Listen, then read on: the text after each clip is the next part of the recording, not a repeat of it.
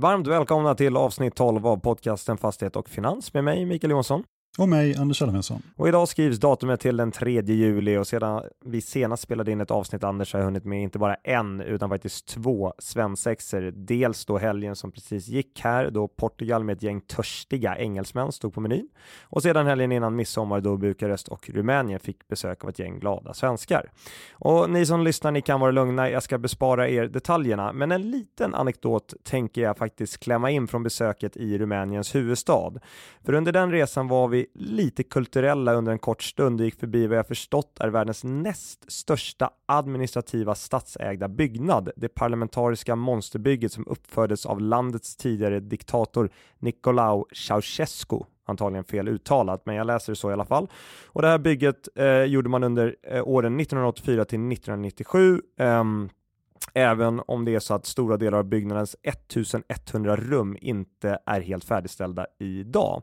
Och som sagt, byggnaden är världens dyraste administrativa byggnad och kostade ungefär 4 miljarder euro att bygga. Och den väger hiskeliga, hiskeliga ska jag säga, 4,1 miljoner ton och övrig fakta kring byggnaden är faktiskt ganska intressant. Jag kör ett väldigt kort svep här. Totalyta 360, 365 000 kvadratmeter. 70% av byggnaden är idag oanvänd. Mängd marmor som användes i byggandet var en miljon kvadratmeter. Det finns 480 stycken kristallkronor. Det var ungefär 700 arkitekter som var inblandade och i tillägg till byggnadens höjd på 84 meter finns åtta stycken våningar under jord komplett med en kärnvapensbunker.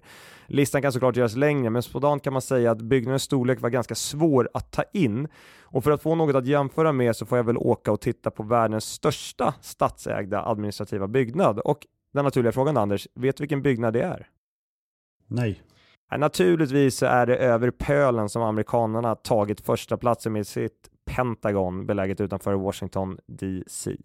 Men nog med anekdoter från privata resor. Trots att vi nu gått in i sommarlunken känns fastighetssektorn högaktuell som vanligt med en rapportsäsong runt hörnet och en Anders Elfvinsson som närvarade i Almedalen. Kommer du bjuda på lite reflektioner därifrån idag? Jo, men några kan det säkert bli. Och eh, lika säkert som att midsommar infaller i juni så brukar det vara lika säkert att en junimånad är fylld av kommunicerade fastighetsaffärer. Och Eh, även om vi såg ett antal affärer dyka upp i nyhetsflödet här under förra veckan, eh, sista veckan i juni, så är den ju långt ifrån lika het som tidigare i transaktionsmarknaden. Mina kollegor har summerat i andra kvartalets transaktionsvolym till knappt 30 miljarder, vilket kan jämföras med 60 miljarder under samma period förra året, alltså ungefär 50 procent av föregående års volym. Och här ska tilläggas att AP7s intåg i citykvarteret Urban Escape, eh, där 33% köptes för 7,4 miljarder, inte inräknat. Och det är en aktieaffär om man inte tar en majoritetsandel av ägandet i de underliggande fastigheterna. Och i princip samtliga rådgivare räknar på det här viset. Och vi kan ju även se en hel del affärer som kommunicerats idag, alltså på andra sidan kvartalsskiftet Eh, och infaller det tredje kvartalet. Man kan misstänka att de signades under juni månad, eh, men det brukar vara så att vi, vi räknar in dem i det kvartalet och de eh, faktiskt kommuniceras. Bostadsfastigheter har ju fått upp ångan lite grann ändå. Vi har JM och K2A och så vidare. Det här är lite förvånande i, i, i mitt huvud. Var det väntat att bostäder skulle vara kanske det hetaste segmentet här i Q2 eller även du Anders lite förvånad? Nej, ända fram till mars månad när eh, Resinova köpte från eh, JM så, så, såg vi knappt någon aktivitet alls vad gäller hyresbostäder. Eh, nu har vi sett en islossning vad gäller då nyproducerade hyresbostäder i främst Stockholm och i viss mån regionstäder. Eh, men på eh, marknaden för, för äldre bostadsfastigheter så, så skulle vi fortfarande vilja se ganska mycket bevis i form av genomförda affärer för att, att känna en ökad träffsäkerhet i värdebedömningarna. Sen under det tredje kvartalet då som sagt så har vi sett en stark inledning med två stora köp från NREP där de har stått på köpsidan. Och eh, som sagt, vi får väl utgå från att de affärerna signades i, i förra eh, månaden, alltså juni månad, och borde så sett räknas in i, i, Q2, men vi lägger in dem i Q3. Så vi har haft en stark start här då. Med Logicenters som är del av NREP som förvärvar fem fastigheter för 2 miljarder från trion Bockasjö, Kilenkrysset och Eh, Kilenkrysset Sweden som de kallar det bolaget. Fyra av fastigheterna som ingår i förvärvet är belägna i Rosersberg, nära Arlanda i Stockholm. Eh, med Åhléns, Kicks och Sellpy som hyresgäster. Eh, sen ingår även ett markområde på 16 000 kvadratmeter vilket är expansionsmark för Åhlénsfastigheten. Här medges byggnation av 12 000 kvadratmeter ny logistikyta och den femte fastigheten utgörs av en vakant fastighet i Eskilstuna logistikpark som är under uppförande som är drygt 20 000 kvadratmeter stor. Och den andra affären som slår ner som en bomb det är att det avslöjades att det var en rep som är den okända internationella investeraren som går in i bostadsutvecklaren Klöven som ligger under Korem eh, och sen har de ju även ytterligare delägare där. Det är väl Alm och Broskeppet. Stämmer. Och när jag talade med NREP så eh, sa ju de då eh, att det var lite kul att de hade benämnt som en internationell investerare. Det var få som hade gissat att det var de som stod på köpsidan. NREP förvärvar en majoritetsandel på 51% i bostadsbolaget Klöven eh, som är ägt av Coran Property Group som vi nämnde, ALM och Broskeppet. Och NREP har cirka 6 miljarder för affären, varav cirka 3-4 miljarder kommer ske genom nyemissioner. Och NREPs ambition är att eh, inom ett fåtal år komma upp i omkring 2-3 000 byggstarter per år, vilket kommer göra bolaget till en av de största bostadsrättsutvecklarna i Sverige. Och affären tillsammans med sedvanlig extern finansiering möjliggör färdigställande av Klövens projektportfölj om 24 000 bostäder och därmed är ambitionen att bli en av Sveriges största bostadsbolag. Ja, men det blir väl ett lite nödvändigt ont här kanske för de säljande bolagen kan man säga, för de säljer såklart en bra bit under vad man har bokfört detta till, men samtidigt så är det pengar eller det kapitalet som kommer in är det det som behövs för att få den här projektportföljen igång och i rullning. Och om vi tittar på pressmeddelandena från Korem och från Almedal så är det så att Korem frigör ungefär 1,4 miljarder i likviditet i och med försäljningen och Alma Equity frigör ungefär 700 miljoner kronor och det här är såklart extremt viktigt viktiga pengar för båda två eh, bolagen att få in om vi tittar på kreditsidan och möjligheten att lösa uppkommande obligationsförfall. Så att visst säljer man i längden lite uppsida här, mest troligen, och NRF kan mycket väl ha gjort en väldigt, väldigt fin affär, tror jag. Men jag skulle vilja hävda att det både för Alm och kåren var, eh, ja, som sagt, ett onödigt ont att sälja eh, i det här läget. Och jag vill inte gå in i eh, detaljer vad gäller affärerna då jag har viss insyn, men man kan väl konstatera att även för logistikfastigheter i, i bästa läge i moderna produkter så har marknaden förändrats ganska kraftigt senaste dryga året. Som du är inne på Anders så summerar vi ändå ett ganska stillsamt första halvår här 2023. Eh, jag trodde faktiskt att det här var ett halvår som skulle ta lite fart i Q2, men catch-up-effekten har ju uteblivit. Eh, när du tar fram spåkulan, eh, vad tror du om det andra halvåret? Måste inte transaktionsmarknaden ändå komma igång på allvar snart? Om den måste ta fart tänker jag att du är bättre lämpad att svara på än jag i och med att det behöver vara drivet om bolaget behöver sälja eller inte kopplat till finansiering och andra yttre faktorer. Men köpare och säljare står ju fortfarande långt ifrån varandra i flera segment. Men andra, i andra segment så har vi en prisnivå som etablerats där vi ser betydligt mer aktivitet såsom för logistikfastigheter men även för nyproducerade bostadsfastigheter. Men du, vad för segment och regioner tror du kommer vara mest eh, eftertraktat? Att döma av det som sägs på marknaden just nu så tycks ju logistikfastigheter och bostadsfastigheter vara det hetaste. Eh, men det som jag bedömer skulle gå närmast tidigare toppnoteringar det är nog unika fastigheter och kanske mindre stenhus i bästa läge som sällan blir till salu. Men här måste jag leka lite djävulens advokat då, för lättindustri fortsätter att gå oförskämt bra så som jag tolkar det och börsen gillar ju uppenbarligen logistikbolagen.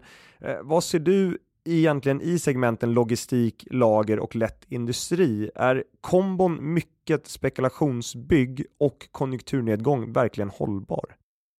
Ja, du har en poäng. Här får vi verkligen göra skillnad på logistik och lagersegmentet och lättindustrisegmentet. I den första kategorin så sker det just nu väldigt mycket nyproduktion och det förväntas komma ut historiskt sett mycket stora volymer av nyproducerad logistikyta i utkanten av Sveriges större städer. Och den justering av avkastningskrav som vi sett bedömer jag främst var drivet av högre finansieringskostnader. Men om efterfrågan inte kan möta sig med det tillkommande utbudet så kan vi få se ökande vakanser, vilket vi även skriver om i den logistikrapport som Cushman Wakefield släppte i våras. Tillgången på mark för den här typen av produkt och nyproducerad logistik är eh, ganska god, eh, även om detaljplanelagd mark eh, är lite mer utav en bristvara. Men det är ytterligare en faktor som kan inverka negativt framåt om eh, ytterligare nyproduktion hela tiden konkurrerar med befintliga stocken. Eh, men det är ju så att vi har haft med oss logistikhyresgästerna eh, när det gäller hyresökningen som föranletts av de högre byggkostnader. Så det är ju ett styrketecken för segmentet. Lättindustrifastigheter däremot är ofta belägna i utkanten och stadskärnan av Sveriges större städer. där byggbar mark är en bristvara och där denna typ av byggnader historiskt sett fått ge vika åt bostadsutveckling. Nu är inte fallet eh, alls lika här utan eh, mycket låga vakanser och en kraftig hyresutveckling har pressat upp kvadratmeterpriserna för den här typen av fastigheter till nivåer som idag nästan omöjliggör bostadsutveckling på många håll. Eh, så då står ju de här sig starka och då fastigheterna ofta är fullt uthyrda och indexerade till 100% så har det ökade driftnettot gett en rejäl kudde när avkastningskraven justerat upp senaste året. Vilket lett till att prisutvecklingen som endast eh, varit marginell då, åt det negativa hållet senaste tiden. Men det som främst skiljer de här två åt är ju att logistikfastigheter i bästa läge nyproducerat handlades på låga 3% medan lättindustrifastigheter i Stockholm till exempel då, handlades på låga 5% och, och justerade upp avkastningskravet med 150 punkter på respektive segment så slår det ju betydligt hårdare på de här finlogistikkåkarna som handlades på låga 3% än lättindustrin som handlades på låga 5%. Eh, så det är uppenbart. Det här kommer bli väldigt intressant att följa tycker jag under de närmaste kvartalen. Och en annan sak som jag är lite nyfiken på Anders, det är hur du skulle säga att dialogen just nu går mellan värderare och bolag. Är det fortsatt så att man väntar på transaktionsbevis eh, på vad de nya yieldnivåerna faktiskt är eller är just avsaknaden av transaktioner ett bevis i sig? I de flesta segment har vi nu bevis i marknaden men i flera andra segment så saknas det fortfarande relevanta noteringar. Och här tänker jag främst på äldre bostadsfastigheter och eh, kanske kontorsfastigheter i lite sämre lägen och, och eh, av lite lägre kvalitet byggda på 70, 80, 90-talen. Så eh, vi gör ju såklart vårt yttersta för att spegla marknadssentimentet. Våra mäklare på Cushman Wakefield är till stor hjälp genom sina pågående transaktionsprocesser. Men eh, ofta blir det ju så att det blir en eh, blandning av genomförda affärer och en spegling av marknadssentimentet där vi väger in pågående affärer, eh, i viss mån avbrutna och pausade affärer och eh, försöker helt enkelt simulera vad en villig köpare är eh, beredd att gå i mål på i en affär eh, där det är en säljare som står på säljsidan som inte är pressad helt enkelt. Har du märkt ett ökat intresse från bankhåll för att hämta in second opinions från er värderare? Inte så mycket från de eh, svenska bankerna, kanske lite ökad efterfrågan från de utländska bankerna. Och det där tycker jag är intressant, för min bild är att det känns som att du har haft väldigt mycket kontakt här med icke-nordiska investerare egentligen under hela året och säkert i slutet av 2022 också. Eh, hur, hur skulle du beskriva deras vy av svensk fastighetssektor och vad är de egentligen mest intresserade av? Jag deltog i ett eh, call med eh, en av de stora amerikanska bankerna här i fredags med 130 åhörare som ville eh, lyssna på mig prata om den svenska fastighetsmarknaden och jag skulle väl säga att i qa delen efter min dragning så handlade 75% om antingen SBB eller samhällsfastigheter. Rutt Granhults M2 har lyckats genomföra sin kommunicerade strategi och avyttrat flera fastigheter i ett antal affärer, däribland en lagerfastighet på drygt 11 000 kvadratmeter utanför Göteborg till Cromwell. Sen avyttrar man eh, samtliga sina fem bostadsfastigheter i Vårberg i södra Stockholm till ett nystartat gemensamt ägt bolag då i och för sig tillsammans med Svanen Fastigheter. Och och sist men inte minst så gjorde man en riktigt fin affär där Fortifikationsverket förvärvade en kontorsfastighet i Kista. Och det underliggande fastighetsvärdet i den affären uppgick till 315 miljoner vilket var över M2s senaste värdering. Är det här ytterligare ett steg i rätt riktning för Rutger och på vilka nivåer handlas utstående obligationer M2-gruppen just nu efter försäljningarna? M2 har eh, från ett kredit och obligationsägarperspektiv då, gjort väldigt mycket rätt de senaste månaderna för att hantera den prekära situationen man faktiskt befann sig i.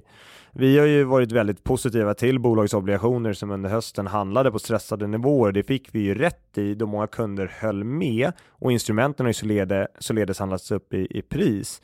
Så i fredags så kommunicerade man ju faktiskt att SEK 926 miljoner av totalt 1,1 miljarder av bolagets juliförfallare 2023 obligationsmarknaden har återköpts redan och resten kommer betalas tillbaka med likvida medel under nästa månad. 2024 förfallet handlar med en spread om 700 punkter och 2025 med 1370 på skärm. Det här ger en avkastning till förfall då på ungefär 11% i det lånet som förfaller 2024 och ungefär 17% i det lånet som förfaller 2025. Fabege släppte en nyhet som fick många att tappa haken i förra veckan. När antalet lokalsök minskar på marknaden och kontorets framtid diskuterades på var och varannat seminarium nere i Almedalen så släpper alltså Fabege bomben att de har tecknat en avsiktsförklaring om en uthyrning på 66 000 kvadratmeter kontor i Solna strand. Det handlar om fastigheten Nöten 4 som Skatteverket tidigare hyrde innan flytten till nya lokaler hos Vasakronan i Sundbyberg. Avsiktsförklaringen ska omsättas i ett hyresavtal under tredje kvartalet 2023 och tillträde planeras till mitten av 2025. Det har spekulerats vilt kring vilken hyresgäst det är som är aktuell och jag har ju min gissning Mikael som jag berättat för dig men jag är ju bäst i att inte avslöja den i ett sånt här sammanhang. Många tror ju att det är Försvarsmakten, men jag tror att det är fel då försvaret tycks vilja äga de fastigheterna de sitter i. Vi har ju flera exempel på eh, det senaste året då eh, de har eh, förvärvat både tomställda och nyproducerade fastigheter för kontorsändamål. Och på säljsidan har vi här sett JM, Stenvalvet, Nyfosa och nu senast M2-gruppen. Hur mycket vikt lägger du och marknaden på en sån här nyhet och hur reagerade Fabeges aktie? Du har själv talat om nettouthyrning framåt som en viktig faktor för att avgöra hur bolagen mår. Inte tillräckligt med vikt kan jag tycka samtidigt som det i det här fallet är svårt för marknaden när inga nivåer kommuniceras eller inga detaljer kring själva uthyrningen egentligen kommuniceras. Eh, nettouthyrningen är och kommer fortsatt vara av extremt hög vikt. Eh, men i ett kvalitetsbolag som Fabg så behöver vi även bedöma hyresnivån för att ha en åsikt om aktien förtjänar att sticka på nyheten eller inte. I det här fallet var det så att aktien samma dag handlades mer eller mindre flat och allt annat lika är ju nyheten såklart positiv. Eh, och Fabeges vakansgrad har tickat upp lite sedan nöten lämnades av Skatteverket till en nivå som jag tror bolaget själva inte är helt nöjda med. Så eh, netto så borde det här vara positivt för aktien, men det är väldigt svårt för aktiemarknaden att ha en åsikt utan mer detaljer och man kan ju konstatera också att börsen är ju uppenbart inte helt övertygade när det kommer till Fabg. Eh, jag noterade att under juni månad så handlade man ner Fabg 10 dagar i rad faktiskt vid ett tillfälle. Det är ju det är ganska anmärkningsvärt faktiskt med, när det gäller det bolaget. Så att börsen är inte helt övertygad om Fabg. Jag själv skulle vilja se att den vakansgraden kommer ner och det här är ett väldigt viktigt steg i det eh, jobbet. Så att jag tycker att det är positivt men det är svårt att läsa allt för mycket in i det.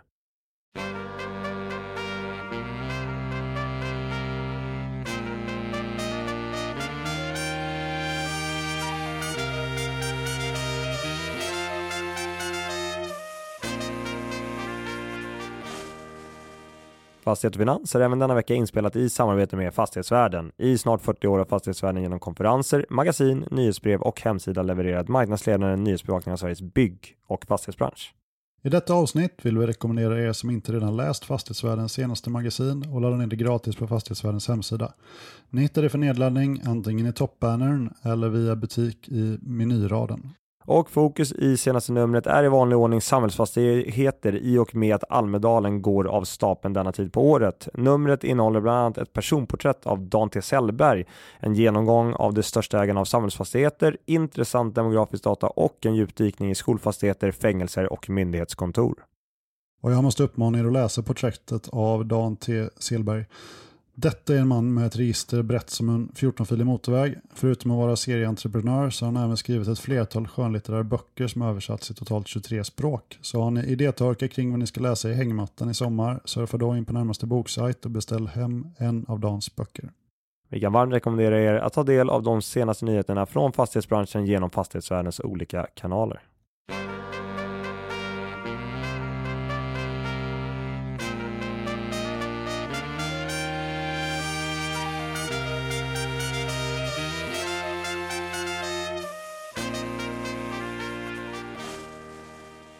Mikael, det är dags för det som har blivit ett nästan stående moment i podden och det är ju såklart vårt kära Samhällsbyggnadsbolaget. Bolagets aktiekurs har åkt berg och dalbana senaste dryga året och eh, man gick ju dessvärre på ytterligare nedförsbacke här den 22 juni när Finansinspektionen meddelade att de ska undersöka om fastighetsbolaget brutit mot vissa regler i sin redovisning under 2021. Utredningen omfattar fastighetsvärderingar av eh, Trygge Barnhager och Lärlingsvärdestädet och eh, redovisning i samband med förvärv av Amasten offentliga hus. Om jag förstår saken rätt så är detta något som Viceroy tidigare varit inne på. Hur har SBB bemött kritiken och är detta något aktieinvesterarna ska vara oroliga över tycker du? Alltså aktien föll 17% dagen då nyheten kom, så uppenbarligen ansåg man att det fanns nyhetsvärde i detta. Jag vill inte riktigt lika övertygad om det, men det är klart att alla dessa negativa saker som kommer, även om de är små individuellt, så tillsammans så blir det ju saker som oroar. Eh, SBB själva bemötte bemötte detta med ett pressmeddelande där man egentligen sa att man haft en kontinuerlig dialog med redovisningsnämnden och att man nu ser fram emot en konstruktiv dialog med FI. Och jag skulle väl säga följande att SBBs redovisning har nog varit väl aggressiv. Eh, det verkar i alla fall eh, vara konsensusvin. Samtidigt som man efter Viceroy-kritiken när den kom våren 22 då, när den kom första gången, då fick man sig en rejäl genomgång av EY. Då byrån i princip vände på alla stenar man kunde och då gjorde man ju vissa justeringar också till årsredovisningen. Och sen är det också så att FIs böter är, så som jag tolkar det, eller som jag förstår i alla fall, ganska små för den här typen av potentiella redovisningsfel och nyheten i sig är inget jag tycker man ska lägga speciellt mycket vikt vid. Men sedan verkar det ju vara så att baserat på alla jag pratat med att den här Viceroy-kritiken om lärlingsverkstäder den verkar ändå vara korrekt. Alltså att hyresnivån ser väldigt hög ut jämfört med andra jämförbara objekt och alltså att den har då till viss del subventionerats med utdelning från de aktierna. Men det där kanske du har bättre koll på än vad jag har Anders. Jag säger pass på den frågan. Den eh, 29 juni har nu passerat, vilket var 90 dagar efter att första kvartalet avslutades. Därmed kunde obligationsinnehavarna av de obligationerna som innehöll skrivningen om den omtalade räntetäckningsgraden kräva återbetalning från SBB. Som jag förstår det är det en konstellation kallad B2023 företrädd av den prominenta amerikanska advokatfirman Clear Gottlieb som är på SBBs motståndarsida och Blackrock tillsammans med Anchorage Capital Group som tagit SBBs parti för att bestrida konventpratet. Vad är status på kovenantbråket Mikael? Jag hörde faktiskt inte eh, om något specifikt hände just i torsdags. Det var ju väldigt mycket fokus på det här innan, men just i torsdags var det väl inte jättemycket rapportering eh, kring det. Men jag har medvetet lagt lite mindre tid på just detta här på slutet faktiskt om det visar sig vara så att SBB har brutit mot konvenanten och B2023 då får rätt, ja då kommer bolagen nog inte överleva det här tror jag. Men med det sagt, eh, detta är troligen en ganska lång och utdragen process i domstol med många advokater inblandade som kommer ta väldigt lång tid att avgöra, tror jag. Det jag pratat med som själva anlitat juristrådgivning eh, för att se över det här och vad de tror att det här kommer mynna ut i, de verkar tämligen trygga i att ingen konvenant kommer kommer ha bedömts ha brutits och alltså att SBB i detta fall har rätten på sin sida. Men det senare återstår såklart att se och ingenting är skrivet i sten. I Almedalen var det såklart mycket snack om eh, SBB och intresset från och möjligheten för kommuner att återköpa fastigheter från SBB. Visst har kommunerna tillgång till eh, Kommuninvest och en billigare finansiering eh, än i princip alla andra investerare. Men för många av de 184 kommuner som är inhyrda hos SBB enligt SBVTs kartläggning så är ändå detta lättare sagt än gjort. Eh, det kan finnas många anledningar till att man inte kan genomföra den här typen av återköp.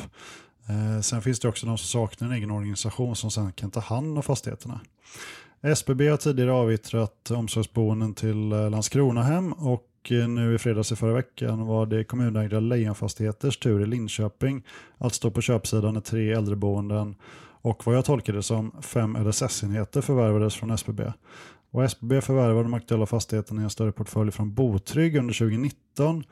Enligt Fastighetsvärdens källor var SBBs värdering på fastigheterna strax över 500 miljoner och man sålde alltså för 400 miljoner så man är drygt 20% under värdering. Eh, vilket jag tolkar då som ska jämföras med deras bokförda värden 2023 Q1. Och Mikael, du hade en intressant slide i en av dina publikationer nyligen där du synliggjorde hur mycket EK, alltså eget kapital, som de olika bolagen behövde tillföra om de bokförda värdena skruvades ner med 20% och belåningsgraden skulle justeras till 50%. SBB hamnade då på en tredje plats när det kom till kapitalinjektion i absoluta tal. Totalt skulle drygt 30 miljarder eller 32,4 miljarder för att vara exakt, behöva resas från SBBs aktieägare. Och i mina öron låter det nu då som att den här försäljningen som landade på drygt 20% under värdering gör ditt eh, scenario ganska troligt. Ehm, och det rimliga antagandet eh, för att lyckas skapa affärer för SBB framåt är nog att ligga ungefär på den här nivån. Så med det sagt, eh, tycker du då att deras aktie är över eller undervärderad om de lyckas sälja hälften av fastigheterna de äger nu till 20% under bokförda värden?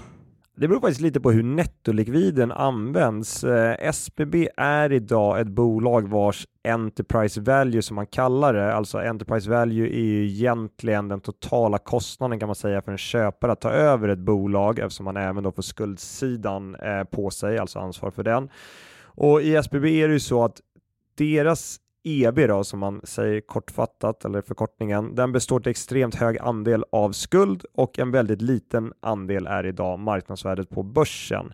Eh, så substansvärderabatten på cirka 85-90% som SBB handlas till idag, ja men det pekar på en rabatt på fastigheterna om cirka 25-30% mot bokförda värden Eh, så rent krasst är ju aktien undervärderad om hela portföljen skulle likvideras till 20% under de här bokförda värdena. Problemet är väl att många i marknaden verkar tycka att 20% kanske inte riktigt räcker och att man äter ju ganska snabbt upp den här ekodelen i ett bolag där värdena skrivs ned eftersom att det är såklart det egna kapitalet som tar stryk mest och inte skulden som man skriver ner. Men anledningen till att eh, SBB då potentiellt sett kan komma ut hyfsat ur det här ändå. Det är om man kan sälja ungefär 20% under bokförda värden och sedan använda pengarna för att köpa tillbaka skuld eller andra instrument till rabatt då, för då minskar man sitt totala EV då, eh, på ett sätt som gör att den ekonomiska kalkylen går ihop. Men det som står klart kan vi bara konstatera att SBB har en så pass hög belåningsgrad att, eh, att sälja hela beståndet till 20% rabatt, ja det är klart att då finns inte mycket eget kapital kvar i bolaget att prata om. Frånsett de exklusiva samtal som nu förs med Brookfield om att köpa resterande del av aktierna Educo så ryktas det även om att EQT skulle vara intresserade av SBBs bostäder. Eh, men i så fall på en värdering ganska långt under bokförda värden. Hur tar du hänsyn till denna typ av nyheter i din analys av bolaget?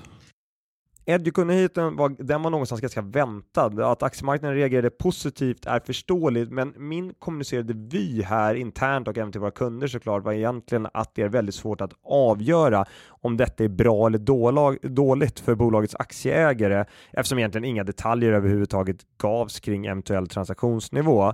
Men det jag anser positivt är att man här kommer få loss sina 14,5 miljard i koncernintern finansiering man har till givet med Brookfield Samtidigt är såklart baksidan av det att man nog måste ge en rabatt kopplad till detta vid försäljning eftersom finansieringen då har en fast ränta på 3 och det var en väldigt stor anledning tror jag till att Brookfield betalade det pris man gjorde från början.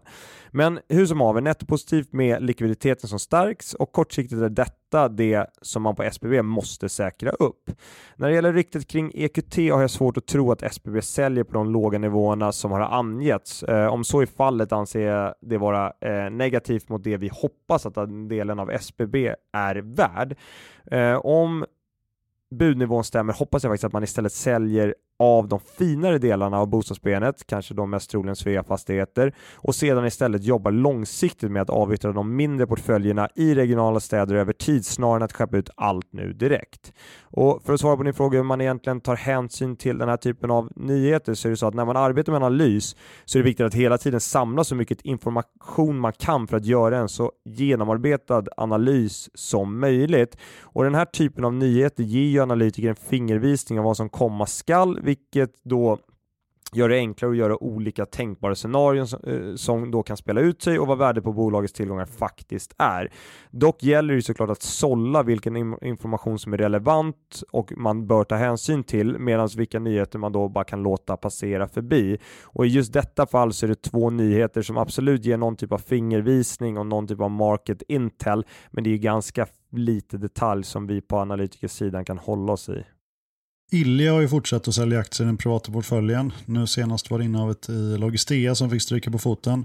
Köparen av aktieposten blev eh, Slätte som nyligen tog in 600 miljoner från danska Lärarnes pension till en av sina fonder. Vad hör du om Iljas inblandning i SBBs day-to-day business? Eh, faktiskt väldigt lite. Eh, självklart är han ju med i kulisserna. Eh, allt annat hade varit konstigt och jag antar att Synnes har mest sannolikt en, en, en hel del kontakt med Ilja, eh, säkert på daglig basis. Men jag tror att bolaget känner att det är väldigt viktigt att förmedla en bild utåt sett att det är nya människor bakom spakarna som tar bolaget i en liten ny riktning och som egentligen ska försöka styra upp det finansiella ingenjörsbygget som SBB i slutändan har blivit. Den 17 juni valde Moody's att sänka Fastpartners kreditbetyg till BA1, första steget ner på skräpstatusnivå. Sven-Olof tycktes inte vara alltför orolig då likviditet finns för kommande obligationsförfall i närtid. Har eh, Sven-Olof rätt att inte vara orolig och finns det någon step-up eller liknande som påverkar några av bolagets obligationer till följd av ratingsänkningen? Eh, jag tycker faktiskt att Sven-Olof kan ha rätten att känna sig avslappnad. En nedgradering till high yield från IG, det ska man klart för sig. Det är självklart inte positivt, men Fastpartner, de är ett av de bolag som alltid har jobbat smart i min mening med sin finansiering, då logiken de har använt mer eller mindre har varit att man aldrig ska vara beroende av ett obligationsförfall. Så man har jobbat med att ha i princip ett obligationsförfall per år som då alltid kan tas ut med de bankfaciliteter man har på plats. Så man har med andra ord inte gjort sig speciellt beroende av obligationsmarknaden och den totala utestående volymen är dessutom ganska begränsad. Eh, bolagets obligationer har ingen step-up och fastpartneraktien har ju egentligen åkt rejäl kana under hela våren i samband med SBBs nedgång och sen nu även på nyheten om den här nedgraderingen. Men lite som Sven-Olof själv sa, man har faciliteter på plats i banksystemet redan nu för att ta ut, eh, jag tror det var all skuld de närmaste 30 månaderna, så det är alltså eh, två och ett halvt år om min matematik inte sviker mig. Så att jag tycker att han kan känna sig ganska avslappnad i det här läget. Ja, din huvudräkning är spot on efter två svensexor.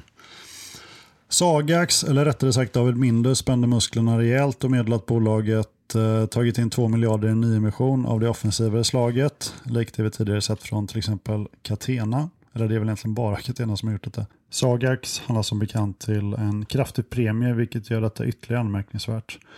Om du då lyckas resa 2 miljarder på den värderingen i dagens marknad så är det väl nästan eh, så att vi redan nu kan pricka pallen i fastighetsvärldens årliga undersökningen eh, fastighetsbranschens femte mäktigaste. Och mitt stalltips är då utan att ranka de tre sinsemellan, Roger Akelius, David Mindus och Johanna Skogestig. Har du några tankar kring den här eh, nyemissionen Mikael? Ja, men jag skulle vilja inleda det svaret med en liten anekdot som jag använde i mitt veckobrev för att beskriva den här emissionen egentligen. Och det är att i 18-årsåldern så dök Thomas Brolin upp till en träning med stadslaget 07.00 dagen efter att han hade varit iväg kvällen innan dag och spelat bortamatch i Allsvenskan med sitt GIF Sundsvall. Och på frågan, men Thomas, inte behöver du vara med på träningen? Du spelade ju match sent igår, var svaret ganska enkelt jag kan bara bli bättre om jag tränar. Och lite den känslan får man över Sagax beslut om nyemission, ett bolag som inte behöver göra den men ändå ser till att förbättra den finansiella styrkan för att på lång sikt kan bli så för att man på lång sikt ska kunna bli så bra som möjligt. Och pengarna ger ju inte bara ett säkert kreditbetyg, det ger även ett handlingsutrymme att fortsätta växa i tider då andra bolag verkligen agerar defensivt. Emissionen gjordes på 206 kronor per aktie, 5% ner eh, jämfört med stämnings, stängningskursen samma dag, men motsvarande, mycket riktigt eh, Anders som du var inne på, en premie om nästan 100 det var 94% för att vara exakt mot Q1 23s rapporterade substansvärde, utspänning på 2,2% Så det är självklart lättare att ta ett beslut om emission när man handlas med en rejäl premie mot sitt substansvärde än om börsens prissättning indikerar en stor rabatt, men trots allt, det här är ett rejält styrke besked. Jag läste att Cibus återköpt obligationer över nominellt värde. Jag tror inte alla våra lyssnare förstår varför man gör detta när det enda man hör är att fastighetsbolagens utestående obligationer handlas till rabatt. Kan du ge oss en liten snabbkurs i ämnet och det aktuella fallet? Nu kommer vi in på det här när du ber mig vara lite pedagogisk, kanske inte alltid är min styrka, men jag ska försöka. Eh, först och främst kan priset på obligationer i termer av nominellt värde skilja sig väsentligt beroende på om lånet är av FRN eller fixed karaktär, alltså om kupongräntan är bestämd under hela lånets löptid eller om den ändras i takt med underliggande ränteutveckling. Om det är ett så kallat fasträntelån kommer värdet på lånet sjunka om räntan går upp medan ett då rörligt lån, ett FRN-lån, eh, där får man ju med sig den utvecklingen i kupongen. Eh, så där har man inte samma effekt. I Cibus fall då, så gjorde man ju först en aktieemission och sedan valde man att nyttja möjligheten att köpa tillbaka lite i utestående obligationer, mest troligen för att lätta trycket på kassaflödet då en del av deras obligationer då är sådana här rörliga ränte eh, obligationer där man då eh, helt enkelt har fått justera den kupongen man betalar till obligationsägarna med utvecklingen underliggande ränta. Eh, så att betala lite över nominellt värde kan då fortsatt vara i bolagsintresse eh, om man då exempelvis sparar en hel del pengar på att inte behöva betala återstående kuponger. Och i det här fall, fallet skulle jag säga att det handlade lite om kapitalallokering och att hantera uppkommande eh, obligationsförfall, alltså ta ner i finansieringsrisken.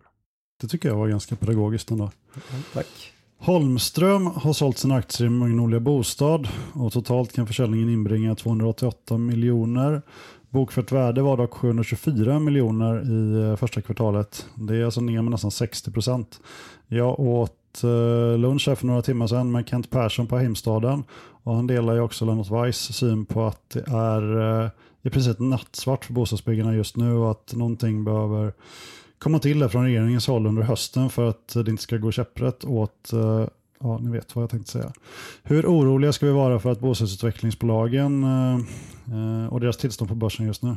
Ja, men oroliga ska vi absolut vara. Eh, det är otroligt pressade situationer som de här bolagen befinner sig i och det kommer vara tufft på sikt. Men jag tror lite att man ska skilja agnarna från vetet här. Vilket av bolagen har en attraktiv tillgångssida som i långa loppet är attraktiv och där man kan ta fram värde och som även då som bolag klarar av den nuvarande krisen. Om man har de komponenterna, alltså en finansiell styrka att överleva här och nu och attraktiva tillgångar som kommer generera en eh, avkastning i längden, ja men då kommer man ju komma ut på andra sidan av det här och kunna ha en ganska rejäl bounceback och det kommer ju komma förr eller senare i bostadsmarknaden.